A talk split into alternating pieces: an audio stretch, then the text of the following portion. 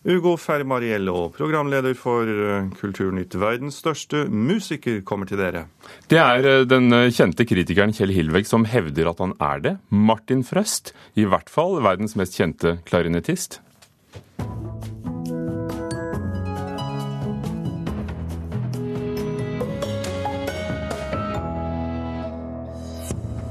Og i morgen åpner Høstutstillingen. Den er alt annet enn folkelig, sier en kunstner, og vår kritiker lurer på om juryen hadde lite å velge mellom i år. Riksrevisjonen gransker NRK. Nettstudier fra verdens beste universiteter kan snart overta for universitetene selv, spår forskere. Og klarinettist Martin Frøst åpner sesongen for Det Norske Kammerorkester denne helgen i Oslo og i Kulturnytt. Som er altså her i Nyhetsmorgen i NRK. I morgen åpner Høstutstillingen for 126. gang, og den er stadig populær blant besøkende. Juryen hadde en stor oppgave med å vurdere 2300 innsendte verk. Av de 95 kunstnerne som er blitt plukket ut til å stille ut, er nesten halvparten debutanter. Jeg er jo plassert rett i glaninga. Så det er jo en, en voldsom plassering og et ganske voldsomt verk, kan du si. Etter å ha prøvd så mange ganger at hun har mistet tellingen, har Vilde von Krogh endelig blitt antatt til høstutstillingen med installasjonen Sjakk matt. Jeg synes at det er sannelig på tide, du. Det er jo morsomt, da, i sjels år og alder, å få den ære. Installasjonen er et rom som ser ut som om det holder på å tippe over ende. Med mennesker med dyrehoder, møbler som holder på å velte, og sjakkbrikker og fugler som flyr gjennom luften. Installasjonen er plassert rett innenfor billettskranken, og er det første publikum ser. Man får seg et lite sjokk i sjakraen idet man kommer inn. og forhåpentligvis noe folk eh, kan finne mye humor i. I morgen åpner høstutstillingen for 126. gang. Utstillingen trekker et stort antall besøkende hvert år, men ikke alle er like positive. Altså, Høstutstillingen er blitt noe mer sånn som en, si, en, bok som du kanskje ikke forstår noe så veldig mye av, som, men som du vet du bør ha lest. Det sier kunstner Terje Adler Mørk, som maler klassisk figurative bilder. Han mener det er for lite klassisk kunst med et gjenkjennelig motiv på utstillingen, og for mange performancer og abstrakte kunstverk. Eh, du kan jo si at Det som slår meg, og sikkert de fleste, er jo det at det er veldig fjernt ifra å være folkelig det, det, er en sånn fremmedgjøring i kunsten som jeg, jeg liker veldig dårlig. Juryformann Nils Olav Bø kjenner seg bare delvis igjen i kritikken om at publikum ikke forstår kunstverkene de blir presentert. Jo, det er, I noen verk kan det vel være riktig, men eh, stort sett så eh, er det, det, er jo figurative ting her. Det er jo narrative ting eh, her på Høstutstillingen. Så en finner ting til enhver smak, vil jeg påstå. Kunstner Adle Mørk er heller ikke fornøyd med hvordan juryen er satt sammen. Juryen i Høstestillingen består så vidt jeg vet av eh, folk som er, som er eh, valgt ut eh, av Bildende kunstneres trening. Og Det vil jo si at det må jo bli jævlig mye innavl. Dette mener han kan få stor betydning for befolkningens smak når det kommer til kunst. Eh, fordi at uh, en smak en uh, smak som er akseptert i et lite miljø, vil bli fullstendig dominerende i det store miljøet ute. Altså helt ut til det, folk oppfatter som kunst, i og med at Høstutstillingen er tross alt den store offentlige utstillingen her i landet. Juryleder Bø avviser kritikken blankt. Ja, Det stemmer jo ikke, for vi er seks jurymedlemmer. Alle kommer fra forskjellige faggrupper i, i, på kunstscenen. Og vi kommer med helt forskjellige preferanser alle seks. Eh, og, og det skaper jo til at du får den bredda i høstutstillinga. Han oppfordrer publikum til å komme til utstillingen med åpne øyne. For Det handler jo mest om eh, hvor åpen en stiller seg. En må jo liksom være åpen på en måte og, og la seg påvirke av det en ser. Hvis en eh, er forutinntatt, så vil jo det bare være en bremse for en opplevelse sa juryformann Nils Olav Bø til vår reporter Heidi Røneid, og Adler Mørk, kunstneren vi møtte i reportasjen, ble ikke antatt til årets høstutstilling selv om han hadde søkt, men er med i de refuserte utstillingen som vises på Litteraturhuset litt lenger opp i gaten på lørdag, med nettopp figurative billedkunstnere. Høstutstillingen åpner altså i morgen, på Kunstnernes hus, som den har gjort eh, i 125 år tidligere. Og Mona Palle Bjerke, vår kunstkritiker, hva får folk se? Det er jo som vanlig en broket utstilling sammensatt av veldig mye forskjellig. Det er maleri, det er ganske mye fotografi i år, det er eh, skulpturelle objekter, det er installasjon. Og det er også som tidligere år et uh, filmprogram eller et videoprogram nede i auditoriet. Kjente kunstnere som er med? Ja, altså Det er ikke som i fjor, da plutselig Odd Neidrum uh, viste seg å ha søkt. Men Pushwagner er jo med, og det er jo et stort navn. Han er med med et morsomt bilde som heter 'Kunstnernes hus', og det er fra 1981. Og ellers er det også en del markante kunstnere som Marte Aas og kunstnerduoen Løvaas og Vagle. Så det er jo en, eh, helt klart en liten håndfull eh, ganske markante kunstnere også med i år. Og, og mange debutanter. Er det noen verk du vil fremheve, uavhengig av hvem som har laget dem? Ja, jeg vil jo benytte anledningen til å fremheve nettopp Løvaas og Vagle med et, et stort uh, veggverk som er en blanding av en kollasj og en vev. Eh, de kaller det en vev selv, og det er da brukt masse hverdagsmateriale i strimler som de har vevd sammen da, i horisontale og vertikale bånd. Og der er det papir og papp og også nylonstrømper og veldig mye forskjellig. Og det de gjør her, er jo litt å trekke inn en bred liksom, håndverkstradisjon, sånn som de veldig ofte gjør, og kombinere det med konsumkulturens språk, på en måte. Det er, det er, så det er en tankevekkende og, og flott verk. Og de har lagd veldig mange sånne verk i, bakover i tid også. Og mens alle ser på en eh, video om rev på, på, internett, så er det også her en video med dyr. Ja, det er en video som jeg syns var ganske fascinerende, som er laget av en kunstner som heter Egil Pedersen, som heter 'Et dyr forlater sin flokk'.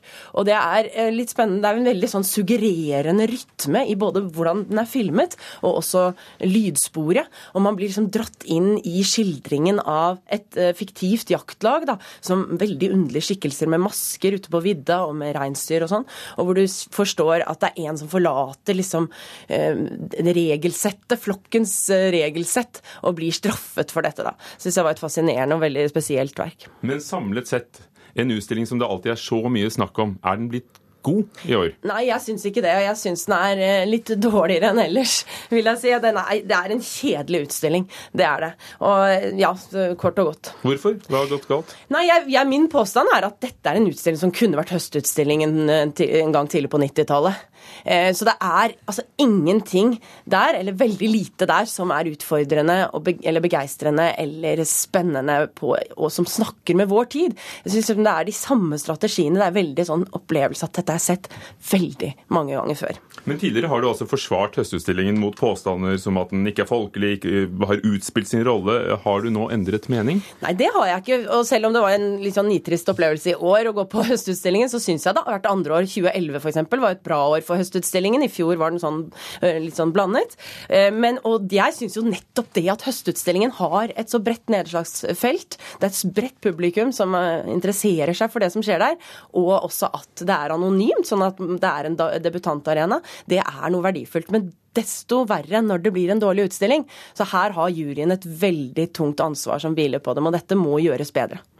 Takk skal du ha, Mona Palle Bjerke, som allerede hadde sett Høstutstillingen som åpner på Kunstnernes hus i Oslo i morgen, der den blir å se til 13. oktober.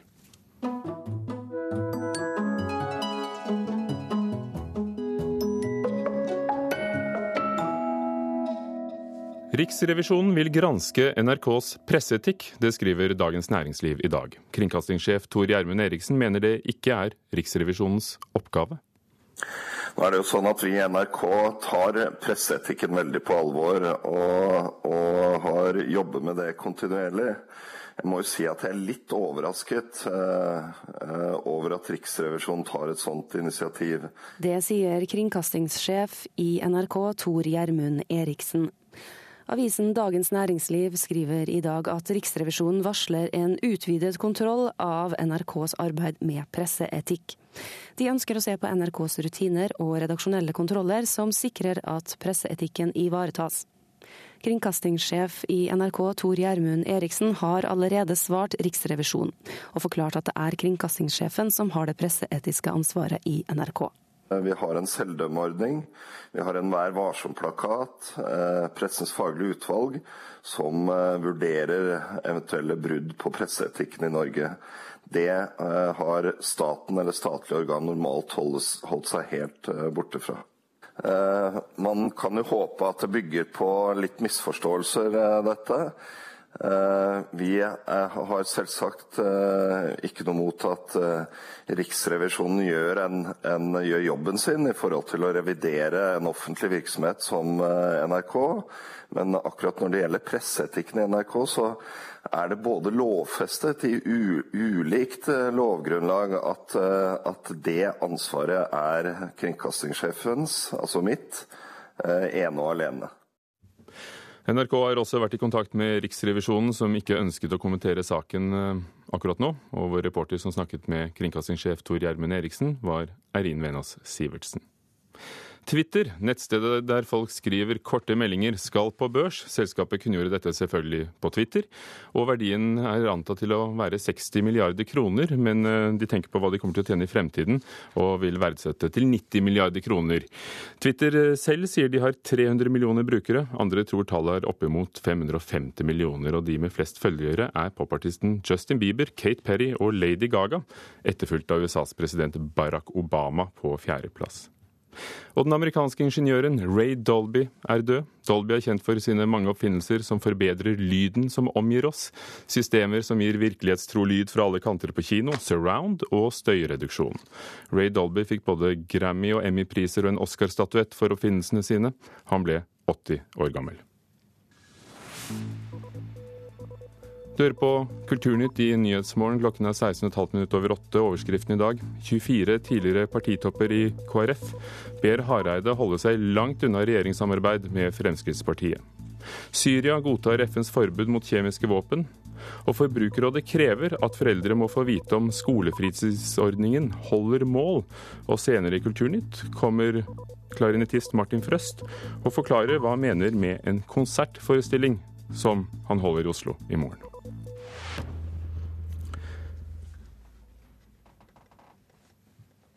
Nettkurs fra verdens beste universiteter vil endre hele utdanningsstrukturen vår, mener flere forskere. Fenomenet MOOC, MOOC, er også kommet til Norge og gir gratis høyere utdannelse uansett bakgrunn, økonomi og bosted. Men hvilke konsekvenser dette vil få, strides de lærde om. Og dette kommer jo innover utdanning som en tsunami.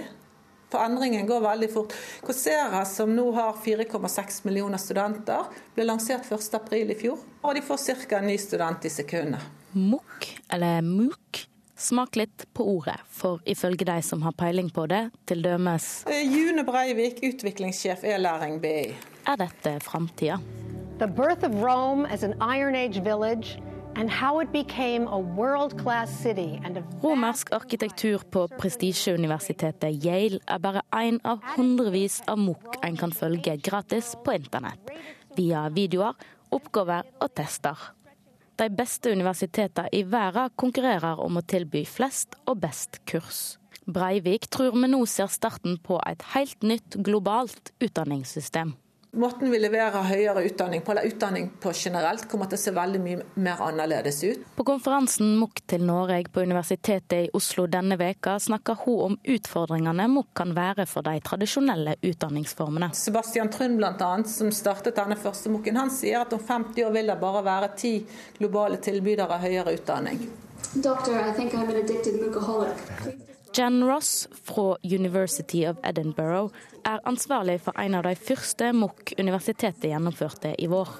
The MOOC is not going to replace traditional higher education. I think that the... Det tradisjonelle utdanningssystemet vil endre seg, men ikke forsvinne, sier Ross bigger question is will there still be MOOCs in 10 years? And I suspect if there are, they'll be called something different. They'll look quite different from the way they look today.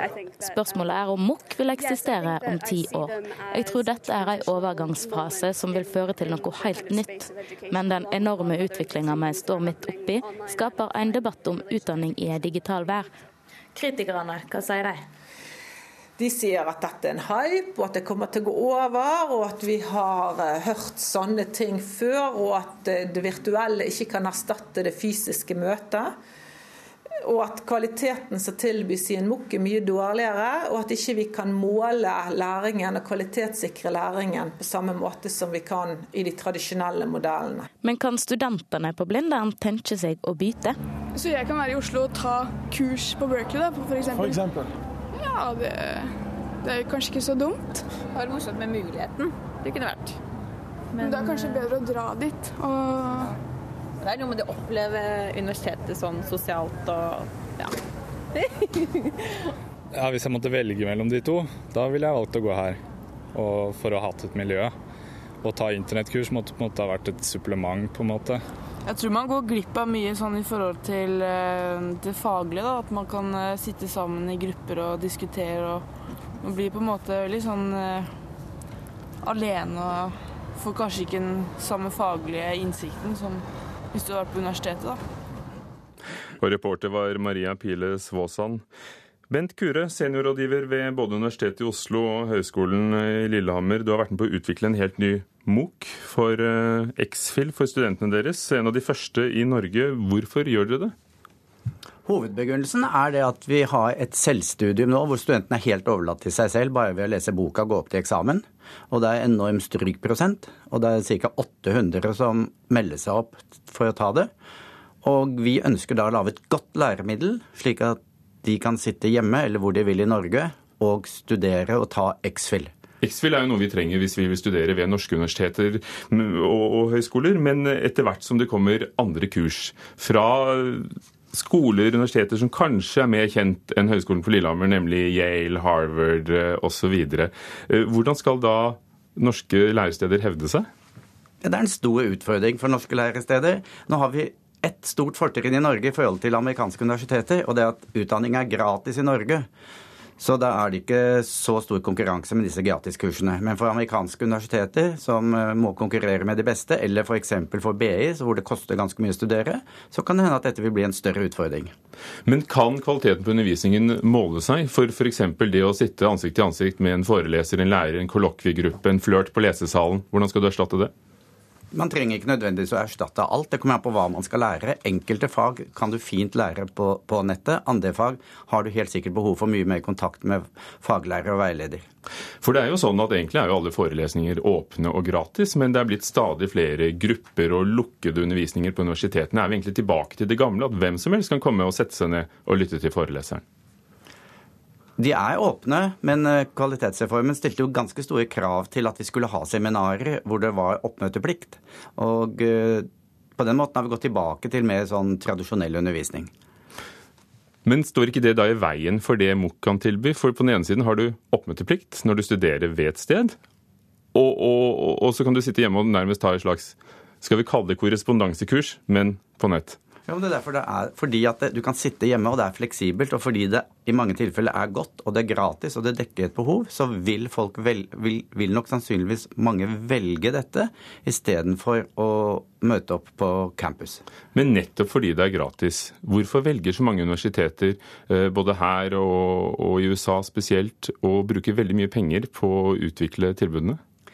I USA er det kommersielle selskaper som delvis står bak dette, her, som ser at de kan tjene penger på det på ulike måter. De har for ulike forretningsmodeller. I Norge så er det ikke så mye å tjene på det. for Vi vil aldri få så mange studenter. Men på X-FIL f.eks. får jo staten Nei, får jo universitetet betalt på hver student som står. Og hvis vi klarer å få 500 flere til å stå, så blir det en ganske solid ekstrainntekt. Tror du universitetenes fremtid er truet? Ja, hvis vi ser på hva som har skjedd innen post, bank, reisebyrå og musikkbransjen, så har det skjedd enorme endringer, og universitetene er nødt til å følge med for ikke å sove i timen. Ellers kan det gå ille. Og det er kun de beste som da eventuelt vil klare seg. Takk skal du ha, Bent Kure, seniorrådgiver både ved Universitetet i Oslo og Høgskolen Lillehammer, som jobber nettopp med å utvikle denne typen tilbud.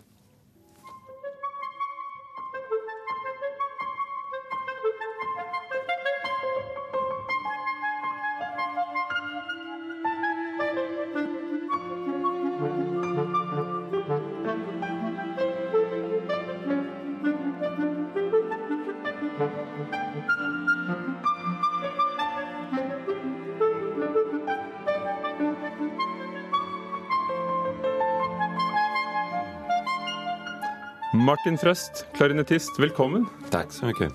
Hvordan ser det ut i morgen når du spiller nettopp Peacock Tales av Anders Skilborg i Oslo konserthus? Eh, Peacock Tale som jeg har gjort eh, vid flere tilfeller eh, har fått en liten ny drekt, kan man si. Derfor at vi, vi jobber Jeg tog en sjanse og tog inn två studenter som medverkar på denne konserten och det var for meg en fullständig fullträff så de har en stor roll bland annat i Peacock Tales der de dels spelar og agerer og danser, precis som jeg gjør. så det er et, et multimediakonstverk kan man väl säga.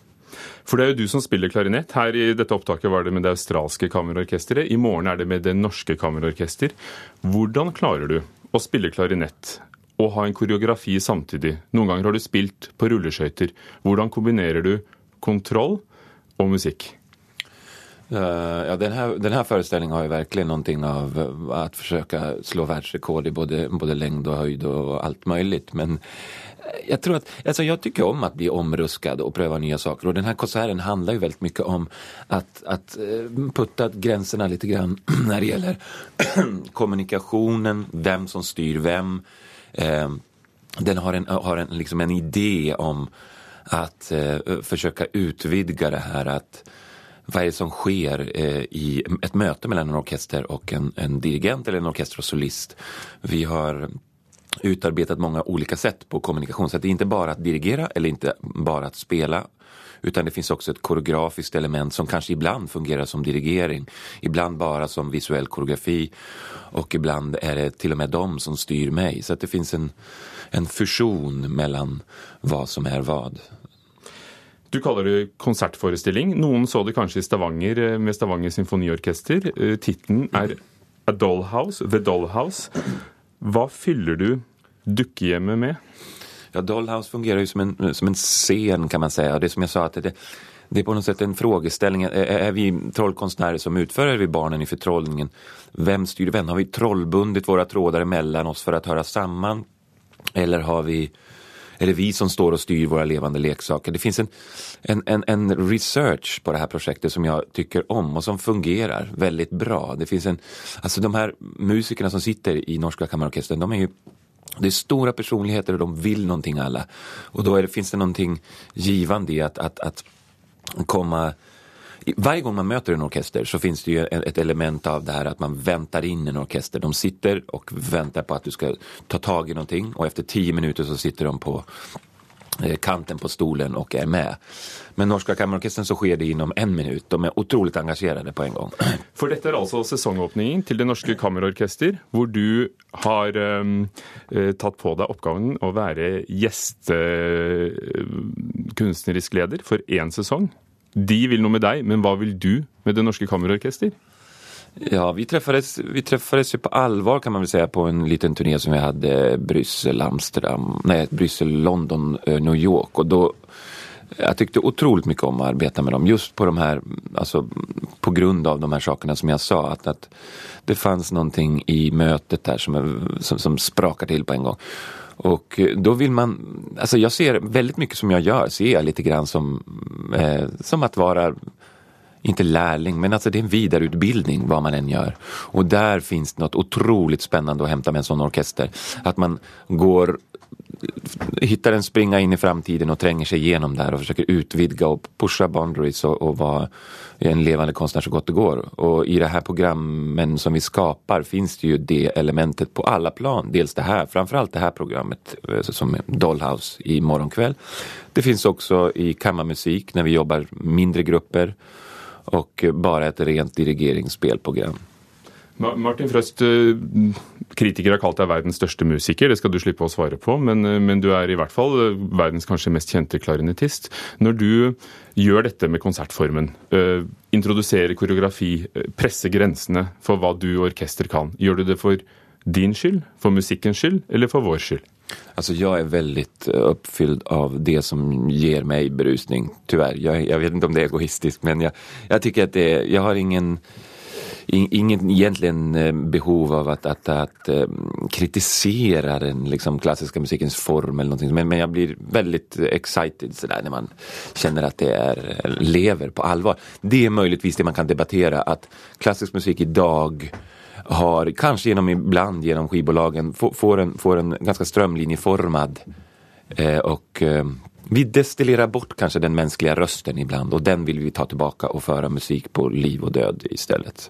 Takk skal du ha, Martin Frøst. Og det kan jo folk høre i Oslo konserthus i morgen på The Dollhouse med Det Norske Kammerorkester. Kulturnytt i dag på få linjer. Høstutstillingen er uvanlig kjedelig, sa vår kritiker. Riksrevisjonen vil granske NRKs presseetikk, ikke deres oppgave, sier kringkastingssjefen. Og nettstudier truer tradisjonelle universiteter. Per Iver Nordahl var teknisk ansvarlig. Espen Alnes produsent. Ugo Fermariello programleder. Dette er Nyhetsmorgen i NRK.